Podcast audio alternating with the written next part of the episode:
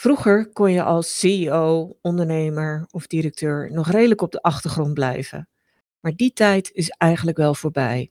In deze aflevering hoor je waarom persoonlijke content voor eindbazen belangrijk is als onderdeel van de hele content- en communicatiestrategie van een bedrijf. Of je nu als eenpitter luistert, als eigenaar van een klein of middelgroot bedrijf, of als communicatieadviseur met misschien wel een baas die liever niet naar voren treedt. Je hoort waarom deze content niet mag ontbreken en ik geef je verschillende ideeën voor een aanpak.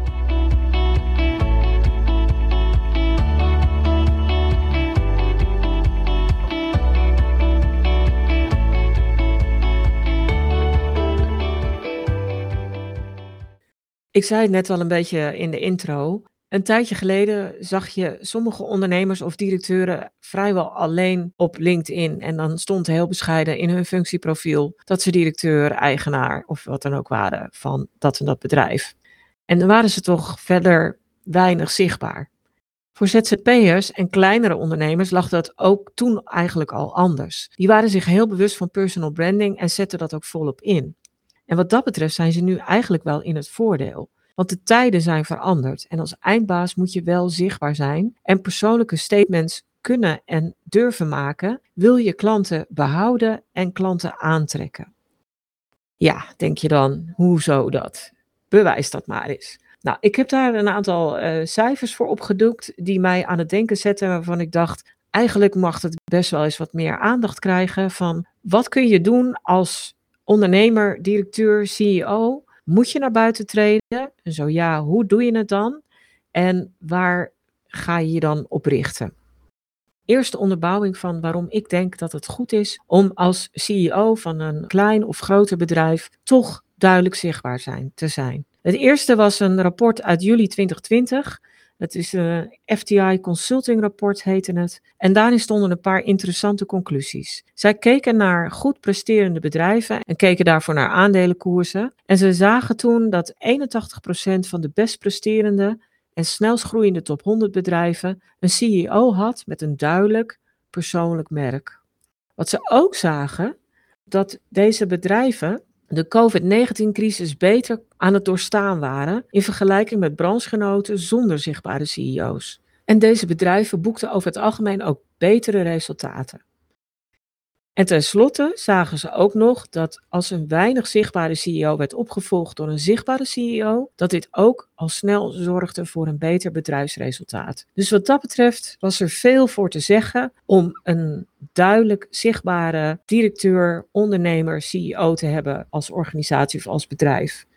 Dit jaar kwam daar nog iets anders bij, wat me aan het uh, nadenken zette. En dat was een artikel in Forbes, dat weer twee andere onderzoeken aanhaalde, of eigenlijk hetzelfde onderzoek dat op twee momenten is gedaan, namelijk in mei 2020 en in mei 2021. En daarin kwam een duidelijke verschuiving naar voren van hoe de marketingverantwoordelijke mensen bij bedrijven dachten over politieke betrokkenheid van het bedrijf. In mei 2020 dacht 80% van deze groep dat een merk niet politiek moest zijn. Dat was ook eigenlijk wel tot dan toe een beetje de, de geldende opinie.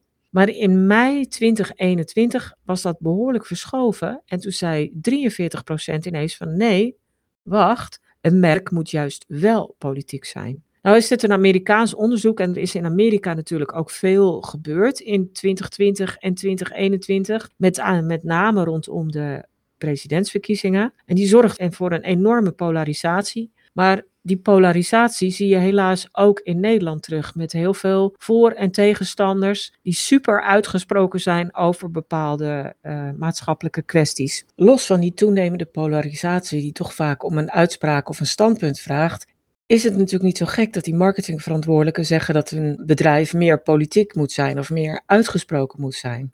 Want wat we al in een aantal jaren zien, is dat consumenten, maar trouwens ook B2B-beslissers, want dat zijn ook maar gewoon mensen, maar dat consumenten steeds vaker belangrijk vinden dat een bedrijf waarmee ze zaken doen of waar ze een aankoop doen, dat dat een gezicht heeft. Dat men weet waar een bedrijf voor staat. En dat vraagt ook om niet alleen content vanuit een bedrijf, maar ook content vanuit de leiding van een bedrijf. Want die, zeker in de ogen van het publiek, bepalen waar het bedrijf voor staat. Dus dat maakt al met al die verschillende onderzoeken en die trend die we toch al een aantal jaren bij consumenten zien, dat het belangrijk is dat duidelijk is waar jouw bedrijf voor staat.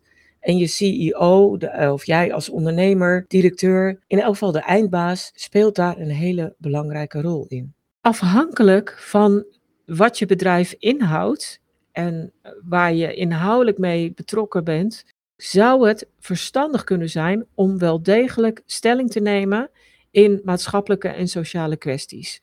Het kan van alles zijn, kan heel breed zijn, kan over klimaat gaan, over ongelijkheid, Zwarte Piet, LHBTIQ, uh, vaccins, de coronapas. Nou, dat zijn best wel gedurfde onderwerpen in, in sommige opzichten. En ik zeg niet dat je daar per se een standpunt in moet nemen. Maar dat als een onderwerp voor jou relevant is, of voor je doelgroep heel relevant is, of voor je belofte of aanbod relevant is, dat je wel zou kunnen kijken van oké, over welk onderwerp kunnen wij nu een bepaald standpunt innemen. Want ook als je stil bent, betekent dat voor heel veel mensen dat je wel degelijk een standpunt hebt. Namelijk dat je het eens bent met de status quo of de dominante mening of gang van zaken van dat moment. Dus stil zijn is ook een mening. Ja, en is dat nou de mening waarvan je denkt, hé, hey, daar willen we mee naar buiten treden?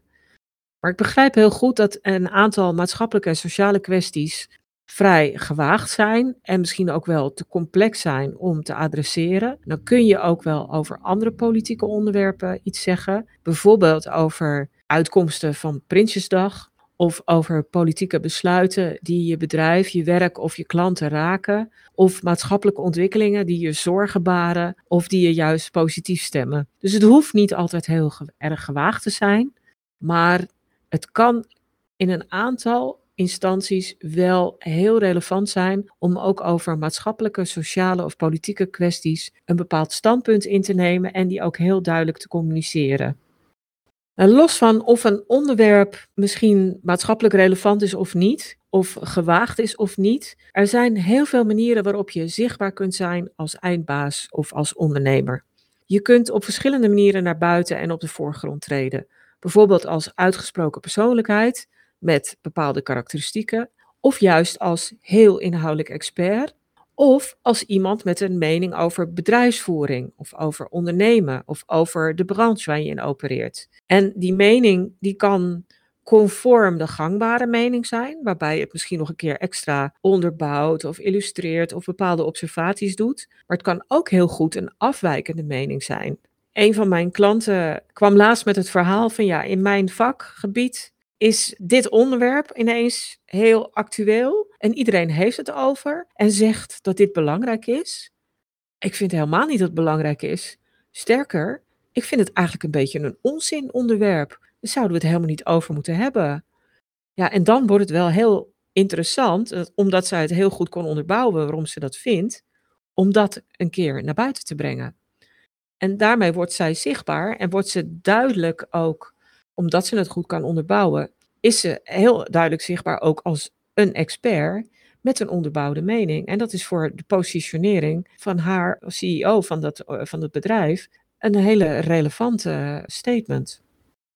Dus dat zijn een paar manieren waarop je dat zou kunnen doen. En daar passen ook verschillende onderwerpen bij. op het moment dat je meer als persoonlijkheid met bepaalde karakteristieken naar buiten treedt, dan kan dat met persoonlijke motieven en achtergronden zijn. Het kan met bepaalde bezigheden of hobby's zijn. Of het kan met bepaalde acties of daden zijn. Uh, bijvoorbeeld omdat je voor een maatschappelijk doel actief bent of ergens aan meedoet.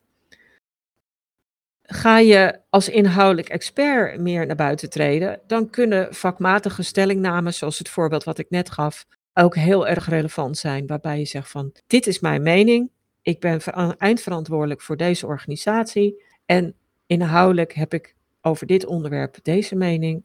En later kom je met een andere mening over een verwant onderwerp, et cetera. En in het derde geval ga je op een meer zakelijke manier stelling nemen. Dus dan ga je meer inhoud delen over bedrijfsvoering, ondernemerschap of over de branche waar je in opereert. Dus dat zijn, daar kun je verschillende soorten onderwerpen mee koppelen. En je kunt er ook verschillende kanalen aan koppelen. Een heleboel mensen denken meteen aan uh, social media en dan specifiek aan LinkedIn. Nou, het klopt, dat is een heel goed kanaal waarop je als ondernemer heel goed zichtbaar kan zijn. Maar misschien is LinkedIn niet je ding en ben je al heel erg actief op Instagram of op Facebook en heb je daar ook duidelijk een publiek, dan kan het ook, heel daar, ook daar heel goed. Wat wel verstandig is, is om één kanaal te kiezen dat voor jou dominant is en waarvan duidelijk is dat je daar dit op deelt. Je kunt ook kijken of je op branchegerelateerde of vakinhoudelijk uh, gerelateerde of doelgroep gerelateerde websites naar voren kan treden met gastblogs of met video's, etc. Wat ook een aardige manier is om, is om als je als bedrijf toch al een YouTube-kanaal hebt, om dan de baas van de organisatie daar een eigen playlist te geven, waarin die in video's bepaalde onderwerpen en, en meningen deelt. En uiteraard kun je natuurlijk ook nog aan een PR-aanpak denken, waarbij je denkt aan gastoptredens bij podcasts, radio, tv of uh, interviews voor uh, geschreven media. Maar dan ben je wel weer afhankelijk van de selectiecriteria die anderen hebben. Dus ik zou in eerste instantie kijken van kanalen waar je zelf invloed op hebt. Een YouTube-kanaal, een social media-kanaal of gerelateerde websites waar je met gastposts misschien heel goed een bijdrage zou kunnen leveren. Als je dat dan gaat doen, denk dan aan de volgende drie voorwaarden of probeer die in je achterhoofd te houden. Is de persoonlijke content van de eindbaas, is die in lijn met de merkwaarde? Waar staat het bedrijf voor? En bij welk van deze merkwaarden kan de content vanuit de CEO echt aanhaken? De tweede is, hoe geloofwaardig ben je? En dat klinkt misschien heel flauw, maar meningen en standpunten kunnen veranderen. Dus op het moment dat je nu zegt van wij vinden dit of ik vind dit, maar in het verleden had je een ander standpunt, ja, dan moet je wel bedenken van wat ga ik daarmee doen? Geef ik dat eerlijk aan van hé, hey, vroeger dacht ik er zo over, maar om die en die reden is dat nu veranderd? Of probeer je dat oude standpunt te verdoezelen, wat, wat natuurlijk riskant is, want het kan, dat kan alsnog ontdekt worden. Dus probeer die geloofwaardigheid en de consistentie in de manier waarop je iets uitdraagt heel goed in de gaten te houden. En de derde voorwaarde die ik in mijn achterhoofd zou houden, is dat kwaliteit boven kwantiteit gaat. Als CEO ben je het visitekaartje van een organisatie, dus de kwaliteit moet goed zijn en dat betekent bijna altijd dat je op een hele rustige manier hiermee begint als dit nieuw voor je is en dat je het altijd blijft doseren. Dus dat het niet per se dat je heel frequent in het nieuws is. Tenzij je daar weer een andere reden voor hebt, maar over het algemeen zou ik zeggen van doe het niet te frequent. En maak het onderdeel van de hele contentplanning die hopelijk in je organisatie ook een rol speelt. Waarbij je steeds een x aantal maanden vooruit kijkt en bedenkt van wat gaan wij op welk moment doen. Zodat je ook gaat kijken van hoe passen de persoonlijke berichten vanuit de CEO, de eindpaas, precies daarin.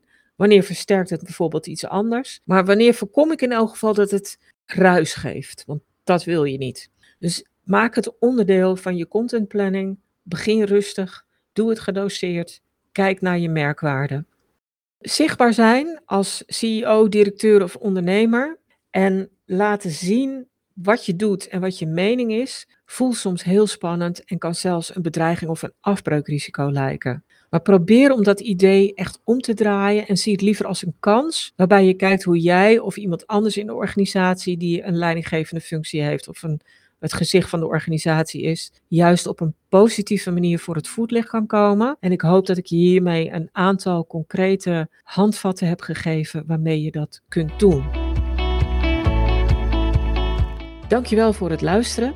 Voel je zeker vrij om deze aflevering van de Content Divas podcast met anderen te delen als je denkt dat dit van pas kan komen. En heb je zelf een handige tip of inzicht opgedaan met deze aflevering, dan hoop ik dat je een review wil achterlaten. Heb je nog meer vragen? Zoek je meer informatie? Neem dan zeker een kijkje op de website. Die vind je op stroop.nl met dubbel S. En daar vind je natuurlijk ook die handige content kennisbank waar je allerlei gratis checklists, stappenplannen, handleidingen en nog veel meer kunt vinden.